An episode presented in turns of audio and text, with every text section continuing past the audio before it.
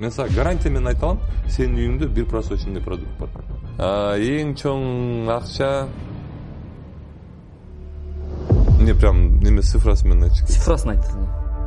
Бүгүн жашоо менен неметип берейин рисковать ете берейин эртең шайлоого барам зато деп. Жылдыздар деле кетип атат рыскалар деле кетип атат бийчилер деле кетип атат блогер деген абдан жоопкерчиликтүү адам болуш керек да. Долбоор мен үчүн жабылат да. Демек нисахар жабылат. Кечирип койгула эрулан өткөн э, парламенттик шайлоодо э, партия менен шайлоого бардың э, саясатка дагы активдүү аралаштың. Азыр мурдагы партиялаштардын баардыгысы жергиликтүү шайлоого баратышат. Эмнеге алар менен кошо барган жоксуң же ушу саясаттан бир көңүл калдыбы жок эми саясаттан көңүл басынан эле калган болчу. Саясатка бара электе эле жок болчу көңүлүм. Бирок баягы кылган жумушума байланыштуу ошол саясатка барышым керек болуп атат да менимче көбү ушуну түшүнбөйт болуш керек көб эле ойлонбойт болуш керек баягы саясатка умтулган бала депчи. Андай эмес мен негизинен эле мындай бош жүргөндү жакшы көрөм. Өзүңөр билгендей саясат деген бул рамкалар да определенный. Барбаган себеби көр кеңешке барайын деген оюм жок. Жергиликтүү кеңешке бирок э, буюрса парламенттик шайлоого кайра катышам да. Мисалы ошол эле партия мурдагы партиялаштар ал партиядан мүчө болчусуң да сен? Ооба. Чыгып кеттиң көпчүлүктөн негизи ал партиялаштарыңан андай колдоо дагы же бир башка нерсе көрсөткөн жоксуң да? Активдүү болгон жоксуң андан кийин саясаттан көргөн жокпуз ушу октябрь окуяларынан кийин. Менин жумушум көп да. Абдан көп негизи эле баягы ошол жумуш менен эле алек болуп жүрө берем. Ошол себептен дагы баягы ушул шайлоого барган жокмун. Анткени приоритет кылдым да менчи же бул агитация деген ушундай нерсе экен бул убакыттын баарын алып алат экен да? Азыр э, бүгүнкү күндө көрүп атасыз э, баардык ушу таанымал жаштар арасында айрыкча. Ырчысынан баштап э, ишкери спортчусу жана башкасынын баардыгысы шаардык кеңешке барып атат ошол партиянын тизмесинде. Эмне себептен бизде коомчулукта таанымал адамдардын баардыгысы эле ушу саясатка баргысы келет депутат болгусу келет. Анан коомчулук да ошону күтө берет да бир аз кичине мындай жакшы аты чыгып келатса эле дайыма комментарийлерде пикир жазып сен депутат бол сен депутат болсоң шайлайт элек дегендейчи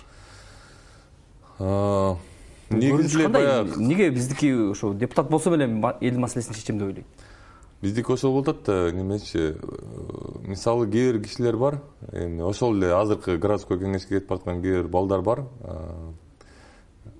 алар немеси бар да мындайча айтканда багажы бар да алар бир нерсени кылып көрсөткөн кишилер да эми албетте эми жылдыздар деле кетип атат рыскалар деле кетип атат бийчилер деле кетип атат эми бирок адам эл өзү тандаган үйрөнүш керек да. Эл өзү тандаган үйрөнүш керек. Мисалы артында багажы бар кишини. Бир нерсени буга чейин кылган. Ошол депутаттыкка аттангычакты бир нерсе кылган киши керек да. Ошондой кишилерге добушун бериш керек. Мындай ой сезилбейби? Мисалы ошол буга чейинки кылып жүргөн иштерин ушу депутаттыкка барыш үчүн эле кылган бир курал катары жок ал мындай эле көрүнүп калат да. Ал мындай эле көрүнүп калат мисалы ошол э, аттарды айта берсе болобу же аттарды айтса болбойбу эки миң сегизинчи жылдан бери баягы мыйзамдуулукту талашып келатат да. Эки миң сегизинчи жылдан бери он үч жыл болду да. Мен ойлойм он үч жылдан бери бул бала өзүнүн баягы башы менен ден соолугу менен рисковать этип ушу депутат болот элем мен. Он үч жылдан кийин депутат болот элем деп койгон максаты бар болчу экен деп ойлобойм да мисалычы жана ошондой эле дагы башка балдар жанагы э, неме маалында пандемия маалында чуркап жүргөн балдар жанагы жардам берип жүргөн балдар. Мен деле ойлойм так кийинки жылы шайлоо болот. Бүгүн жашоом менен неметип берейин рисковать эте берейин эртең шайлоого барам зато деп. Андай болбойт го дейм. Бирок андай болбосо дагы кийинки бир э, кайсы бир топко ошондой бериш мүмкүн. мындай система жаралып калышы мүмкүн. Азыр мен жардам бере берейин. Эртең колдоо болушу мүмкүн э. Сиздин ушул бишкектин санитардык көзөмөл органдарынын кызматын мага бергиле деген видео кайрууларыңыз бар? Дагы бир жолу айтып кетейин. Үч ай мен бирөөнүн креслосун талашып аткан жокмун. Мага креслоңардын кереги жок зарплатаңардын кереги жок. Үч ай иштеп берем үч айдан кийин кетем бирөө жарым бийликтен сүйлөшө алдыңызбы ошол боюнча? Кайрылууңузга бирөө жооп бердиби мисалы парламентте дагы айрым депутаттар э, көтөрдү эле да ошого бир э, жоюлуп кеткен полициянын кызматкерине кош берели жана башка деген. Мен тажадым да. Мен чындап эле тажадым мен ушу популизмден тажадым жөн эле сүйлөй берген сөздөрдөн тажадым. И мен азыр санэпидемнадзоруна сага биринчи жолу айтып атам санэпидемнадзордун азыр келип туруп могул жерден айтса директор болуп бер десе болбойм менчи чын. Ал дагы бир неме болчу мындай баягы ошол малдагы эмоцияга алдыртып жиберген малым болчу. Мен оңолууну гана каалайм да. Оңолууну гана. Эмнеге баш тартасың мисалы ошондо көрүп турсаң иштин көзүнчү эми эч кимге кереги жок экен да анын эч кимге кереги жок болуп атпайбы эч ким чыккан жок эч ким байланышкан жок эч ким аракет да кылып койгон жок. Депутаттар ошол жерден сүйлөдү жардам берип коюш керек эле. Андан бери үч ай өттү. Ошентип айткандан беричи анан бул жерде мындай болуп атат да бул жерде маселе деген адамдын ден соолугу болуп атат. Адамдын эмес жеке эле адамдын бир эле адам эмес. Бул калктын ден соолугу болуп атат да. Биз бүгүнкү жеген нерсебиз эртеңки биздин ден соолугубузга таасирин тийгизет да. Бүгүн жакшы нерсе жесек эртең жакшы болобуз. Бүгүн начар нерсе жесек эртең ден соолугубуз начар болот. Мен сага гарантия менен айта алам сенин үйүңдө бир просроченный продукт бар. Мен ар бир кыргызстан үйүндө кыргызстандын үйүндө э сенин үйүңдө точно бар да мисалычы менин үйүмдө точно бар бияктагылардын офистегилердин үйүндө точно бар да. Бул деген бул катастрофа. Ушул жерде эмнеге ушул коомдун кайдыгерлигиби же ошол аймактык ошол органды текшерүүчү мисалы ошол бишкек чүйдүн ичинде көрүп жүрөм программаларыңарды. Мындай аябай эле өтө эле начар мындай жерде даярдалган ошол тест татым ошол нан самсы баардыгы болуп атат. Болбой калбай эле байке мына пенисать этип ичинин баары близнажиктанып турат а эми а бул эмне болуп атат бул банка өзү болуп май ушуну май май ушуну жок ушуну жууса болобу. Дагы алты тоннадан ашык э, мөөнөтү өтүп кеткен товар келди. Ты народ мой защити от вот этих просрочек. А потом будешь меня вот так дергать хорошо? Бул кимдин кайдыгерлиги? Коом талап кылбайбы же ишкерлер боло берет дейби ошол? Биринчиден коом талап кылчу эмес. Бирок азыркы маалда баягы нисахар долбоорунун артынан коом да талап кыла баштады. Анткени ага чейин билчү эмес да адамдар эми биле баштады коом талап кыла баштады. Мындай да ушул суроого мындай туура жооп бериш керек да бугачы коом талап кылбаш керек. Коом өзүнүн акчасына сатып алып атпабы талап кылбаш керек. Мамлекет өкмөт. Ошол немени өткөрүп туура кылып бериш керек да бул өкмөттүн жумушу. Мисалы сиз бир инспектор менен сүйлөшүп көрдүңүзбү? Эмнеге текшербейсиз ушу базарды? деп ой албетте айлык асты деп айтабы мораторий бар дейт. Мораторий бар биз текшере албайбыз дейт. А мораторийге чейин эмне кылдыңар деле десек? Десек ошол менен бүтөт да сөзчү бул ошондо айтып атпаймынбы бул өкмөттүн кайдыгерлиги ушунчалык да кайдыгер болобу өзүнүн элинечи ошол санитардык норманын сакталбаганы же болбосо ошол мөөнөтү өтүп кеткен азык түлүктүн чыгарып сатканы негизинен кайсы бизнесте чакан бизнестеби же орто бизнестеби же чоң бүт баарында. баардыгысында ылдыйдан баштап өйдөгө чейин кээ бир жерлеринде чоң кишилер аралашкан кээ бир жерлеринде баягы бул мындай атат да. Кээ бир мелкий бизнес чакан бизнестер булар билбегендиктен кылып атат да. Билбегендиктен акча жетпегендиктен эми баягы бир нерсе кылганга акча мисалы самсы жасаган асанбай байке. Ал санитардык норманы билбейт деп ойлойсузбу эч ким айткан эмес да. Эч ким үйрөткөн эмес да. Эч ким билбейт ал байке деле билбейт. Ал ошол самсы жасаганды билет үйүндө баягы мурун жасап жүрүшкөн же бир жерден үйрөнгөн ошол көргөн нерсесин кылып атат да алчы а келип эч ким айткан эмес. Санэпидемнадзор келип айткан эмес. Э бияң мындай болуш керек тигиндей болуш керек. Отуз жылдан бери айткан эмес. Акыркы үч жыл эмес мораторийден бери эмес. Отуз жылдан бери айткан эмес да. Эрдолан бирок ишкерлер менен сүйлөшсөңчү бир нерсе ачам десең эле ооба санэпид орган электри салыгы баардыгысы келип карап эле турат. Биздин өлкөдө ишкерликти ачуу өтө кыйын дейт да. Мораторий мен үчүн эле да мен суроо бергенде эле мораторий негедир иштеп калат. А мындай мен деле угуп атам бул телефон мен ушул кыргызстандын баары менен байланышым ушул жерден эле билип турам. Мен мисалы ошол эле өзгөндө болсо мисалы бирөө неме келсе санэпидемнадзор келсе дүкөнүнө болобу бир жерге болобу мага жазып турушат ушинтип кетти акт таштап кетти предписание кылып кетти андай мындай деп. Иштеп эле атышат. Көрүп эле атам угуп эле атам. Мен суроо бере баштаганда эле эмнеге мындай дей баштаганда эле мораторий. Блогер катары мындай проектти долбоорду чыгаруу каражат талап кылат да. Операторго төлөш керек анан монтаж кылыш керек жөнөкөй эле чыгым ошол май кетет. Бир базарга барыш үчүнчү негизи кошумча каражат барбы? М, программалар көрсөк ичинде анча деле рекламалар. Да көп эмес экен анан негизги ким кандай ошол кандай долбоор менен иштешесиңер да? Кандай негизде мен апрелден кеткенден кийин? Эмне апрелде кеткен апрелден кеткенден кийин көпчүлүк комментарийлерде ушу экен да? Эрулан эмнеден акча табат? Мен апрелден кеткенден кийин э, нисахар долбоорун мен э, иним бар жакшы көргөн иним э, ошол каражат жагынан ошол бөлүп берген камераны ошол алып берген э, монтажный столду ошол алып берген өзү бизнесмен иним анан бир жыл болгондон кийин эми баягы канчалык э, неме болбосо дагы эми ага деле оорчулук да ал.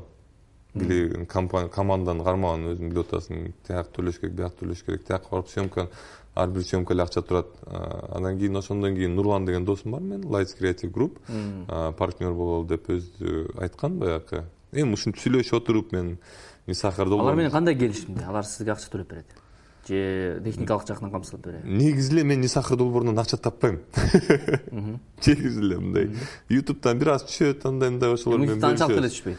Эми аны мындай Байып кеткен. байып кетпесин да. Чын бирок баягы нурландыкы э, чоң компания болгондон кийин бул lights creative group баягы өзүнүн немеси менен Демөөрчүлүк. демөөрчүлүк кылып берип атат да. Нисахар долбоорун анан демек э, мындан киреше таппасаңыз э, ой келбейби мындай? Келет. эмне үчүн кылып атам мен деп келет. Ким үчүн кылып атам мен келет. Ошол негизи эле мындай сөгүп жазганда баягы телефонгочу сен карапайым элди жүдөтүп бүттүң андай мындай деп жазып окат кылып атсак. Э, чоңдорду текшере албайсың. Чоңдорду текшере албайсың деп киргенде эле мындай телефонду өчүрүп эле болду бүгүн токтотом деп бир onu негизи эле мен ойлоп атам жакынкы маалда мисалы үч жыл болду дедиңиз э, долбоордун башталганына. Каражат таппасаңыз кошумча каражат үй бүлө баскан турган багыш керек да үч бир төрт жыл патриот болосуң. Жок үч төрт жыл болсо болот го дейм дагы бир эки жыл болсо болот. Андан кийин жабылышы мүмкүн. Жок жабылыш мүмкүн эмес эми мен деле баягы ойлорум бар эми бир нерсе ачып мындай э, эми баары бир деле баягы ушуга чейин мисалы мен көп деле каражат тапкан жокмун эми баягы үй бүлөмдү да баккан жокмун чынымды айтсамчы Э, кудай жалгап менин ата энем да иштейт э, мындай менден зависеть эте турган адам жок да. Андан кийин эми азыр ойлонуп атам неме кылайын деп бир аз болсо да мындай бир проектке кирип э, акча табып эми акча түшүп турат. Негизинен элечи токтосун мындай акчасын акчанын артынан кубаш керек да эми. Эми акча табылат ал. Кудайым буюрса убагы келгенде акча табылат. А, мен баарын эле түшүнүп атам баягы. Баары эле умтулуп эле акча табууну көздөп эле антип эле мен деле кээде деле ата энем деле урушуп калат эми. Бир нерсе кылбайсың чоң эле балам каякта чоң бала уже жигитсиң уже байкесиң уже неметпейсиң кишисиң уже деп. Анан кийин бир нерсе кылбайсың. Эми ойлоп атам колуман келишинче э, баягы ме- менин оюм боюнча ар бир адамдын э, элинин астында карызы бар да. Бир аз болсо да ошол карызыман кутулайын. Анан башка жагын ойлоноштурабыз айрым учурда реклама сыяктуу бир материалдарды көрүүгө болот да. Бир кайсы бир маркадагы товарды барып чыгарылышын көрсөтүп бекер эле ошонун баары бекер. Ооба. мен э, баягы кээ бир компанияларды барып уруп согуп атам аны көрүп атасыңар жана туура эмес кылып атасыңар мындай тигиндей депчи анан эгер анда мен эгер жакшы компанияны өзүм мактабасам башка бирөөлөр туруп турчу анда мен кылган ишим баягы конкурент эле болуп калып турмун да анда мен бирөөнүн конкурентин эле башканга жасап аткан эрлан карап эрлан карап турсаңыз бир адамдарды барып мисалы ошол эле жөнөкөй самсы жасаган текшерип анан чоңураак ишкананы барып ошол кайсы бир маркадагы. Бул жакшыраак экен деп мындай э, программада чыгарылышта көрсөтсөңүз ал адам мени эрулан текшерип кеткен деп анын товарынын баасы дагы өсөт да сөз жок. Өсүш керек өсөт э? Кепилдик барбы ошол адам ошол текшерип кеткендей иштейт жок мен аны камерадан эле айтам. Мен айтпай элемин да бул мен ушул съемкаларда ар дайым айтам. Бул мен мени чакырган бизнесмен мен кеткенден кийин мындай болуш мүмкүн ну мындай болбой калышы мүмкүн деген немем бар да. Бирок ошондой эле ошол бизнесмендер менен мен эме связьдамын байланыш кармап турам. Анан баягы мага келет да мисалы бул жерден мындай чыгып атат же болбосо дамы мындай болуп атат дегенде мен сразу ошол же хозяинине же менеджерине болобу сразу жөнөтүп эме чара көргүлө деп турам. Ошондой эле кээ бир съемкаларда баягы съемка съемкага байланыштуу да кээ бир съемкаларда мен айтам ачык жүрүш керек да элдер менен мен айтам ооба мен тартып атам жакшы экен азыр э, бирок мен бияктан чыгып кеткенден кийин а, мындай болуш мүмкүн эмес. Ошол себептен мына менин номерим. Номерим баары эле билет мени ооба. Жаза бергиле байланыста болобуз. Мен бизнестин оңолуусун гана каалайм. Кыргызстандачы. Оңолуусун гана. Мен бир да бизнести жабып өрттөп жанагынтип жок кылуунун эмесин ойлобойм да мен. Оңолуусун гана оңолуш керек оңолгон бизнес иштеш керек. Оңоло албайсың бизнес жабылыш керек да. Болду. Ошондой сизге да бир мындай ушул ишкананы текшерип атам. Ушундай ушундай маркадагы товар экен деген чыгарылыштар чыкканда бир ишеничиме мындай көлөкө түшүп калбайбы балким булар мисалы мен ойлошум мүмкүн башка ойлошу мүмкүн да акча алган окшобойт эрулан жок ким кандай ойлобосо дагы мен айтып атпаймынбы мен бизнести оңдогонго аракет кылып атам да. Мактап да коюш. мактап да коюшум керек да да. мен эми бир адам мен үчүн жаңы цех салып атат да. Мурун мурунку цехи кир болчу. Пласт болчу андай мындай. Бирок не сахар долбоору иштеп баягы айтып айтып отуруп туруп анан ал адам жаңы цех салып атат да. Анан мага айтып атат эрлан мына мен жаңы цех салдым. Бүт кафелдеп чыктым же болбосо эскидеги цехти бүт кафелде оңдоп чыктым келип Тартып тартып берип койчу. Анан мен айтам ага э жок мен сени тартпайм кечирип кой эмнеге ал ошол не сахар долбоору үчүн ошончо акча коротуп ошончо немени кылып атат да? Мен айткан үчүн мен күнүгө айта бергем үчүн э оңдолго оңдолго оңдолго деген үчүн ал барып атат да цех салып атат. Анан ал менден суранып атат келип мына мен жаңы цех салдым ичинин баарын кафелдеп салдым тазалап койдум келип тартып кетчи дегенде мен эмнеге ага жок дешим керек? Мен анда туура эмес иш кылган болуп калып атам да мен ошол адамдарды ошого чейин түртүп барып анан цех салдырып туруп анан цех салгандан кийин кечирип койгула көп кишилер ошол нерсени айтып атат да магачы сен сатылып кеттиң сен тигини мактап атасың муну мактап атасың андай мындай. Мен силерге дагы бир жолу айтып кетейин ошондой көрүүчүлөргөчү ошентип мага жазып аткан көрүүчүлөргөчү мен бүгүн деле не сахар долбоорун жабып салам ал менин долбоорум. Мен ачкам. Эч кимге көз каранды эч кимге көз каранды эмес мен ачкам мен иштетип атам. Мен бүгүн эле барып туруп азыр ушул немеден чыгып туруп эле не сахар мен не сахар долбоорун жапкандан кийин кыргызстанда көзөмөл токтойт. Факт токтойт. Могу биз экөөбүз азыр бул жерде сүйлөшүп отурабыз. Ушул жерде сүйлөшүп отурабыз. Мына мен сизге кирердин алдында инстаграмды ачкам. Могу эки сообщение келди. Анан более девяти сообщений уже бул сиз менен сүйлөшүп отурган маалда эле болуп атат да. Ватсапка келип атат инстаграмга келет whatsappка келет ушундай сообщенияларчы. Мисалы азыркы биз сүйлөшүп атканыбызга бир жыйырма отуз мүнөт болуп калды ошонун ичинде жыйырмадан ашык адам уже мага жазып койду да мунун көбү ушул жерде санитардык э, норма сакталбай атат деген. Сакталбай атат тигини сатып алгам акчамды кайра бербей атат просроченный экен мындай экен тигиндей экен. Көлгө бүт э, просроченный суусундуктар кетип атат жабылып атат тиги бүт просроченный суусундуктар кетип атат мындай болуп атат тигиндей болуп атат деген нерсенин баары ушул телефондо ушинтип келип турат. Күнүнө үч жүз төрт жүз эң максималдуу үч миң төрт жүз бир жолу болгон почти бир аябай көп алты жүздөй кишиге жооп бергем сизге аябай мындай кооптуу болгон коркунуч анан сизге аябай чоң суммадагы пара талап кылган учур эки учур. Бир коркуткан учур коркунуч. Балким криминалды салып же башканы салып. Жок андай болгон эмес эми мындай намектор менен айтып көргөндөр болгон. Мындай тигиндей депчи бирок эми ал бесполезный нерсе да мен үчүнчү. Мен баягы баштап атканда бул. балким жакындарыңарды айтып башкаларды жок жок жок эң чоң акча? Эмне прям неме цифрасы менен айтыш керек. Цифрасын айтыңыз эң чоң сумма. Па- пара эмес эми эмне дейбиз пара дейбиз да. Үч миң доллар. Үч миң доллар э? Ал эмне үчүн эле? Чоң ишканабы кичи ишканабы майда ишканабы эми мындай эле орточо да. Үч миң долларды берели программа чыкпайт. Ооба ошол маалда мен айткам да ошол киши бул беш жүз доллардан башталган негизи съемка болгондон кийин. Ошол съемка болуп аткан маалында эле беш жүз доллар деген. Анан миң доллар деди анан бир жарым миң анан ошентип атып эки жарым миң болду андан кийин. Үчкө келгенде аябай тааныштар көп экен да. Менин тегерегимдечи чала берип жататышты айламын тегерегим бар чала берип жатат жатат. Анан ак- жакын эле адамдардын бирөөсү чалганда айттым хорошо келчи жолугалы. Сүйлөшөлү алып кел тигини десем экөө келди. Жана акчаны конвертке салып коюптур анан ошол конвертти алып бияка мындай койду? Болду да э эметип сүйлөштүк да андай мындай дегенде ошол конвертти мынтип алып туруп досума түрттүм да менчи анан айттым монун жарымын жана мен айткан нерсени оңдогонго жетет. Бир жарым миң доллар. Моундай жетет даже ашып калат дедим. Дагы калат ошонусун бала чакасына үйдүн бүлөсүнө бир нерсе алып берип койсун дедим ата энеңиз жөнүндө азыр кененирээк сүйлөшөлү ата энеңиз айтпайбы ушул ишти таштап салсаң болбойбу деп жакындар айтат да. Эмнеге айтпайт эми айтат. А эмне деген жооп болот агаларга ну мен ата энем менен э, элим үчүн деп. ата энем менен кичинекей кезимден бери эле немем жакшы мамилемчи алар мени түшүнүп неметет э, албетте көп урушат. Э, бирок ошондо деле эми баягы мен алардын баласымын да кезимден бери тарбиялап чоңойтушкан. Билишет мүнөзүмдү билет немени билет. Ошон үчүн эле мындай көп көп эле айта бербейт го деп ойлойм да. Бирок көп кээ бир маалдар болот урушат. Эрлан байке мен дагы блогер болот элем дегендер бар да. Ооба. Анан блогерликтин өзүнүн мындай э, азыркы дүйнөдөгү э, маңызы популярдуу болуп блогер болуп анын аркасынан реклама анан кадимки жумушка айлантуу да.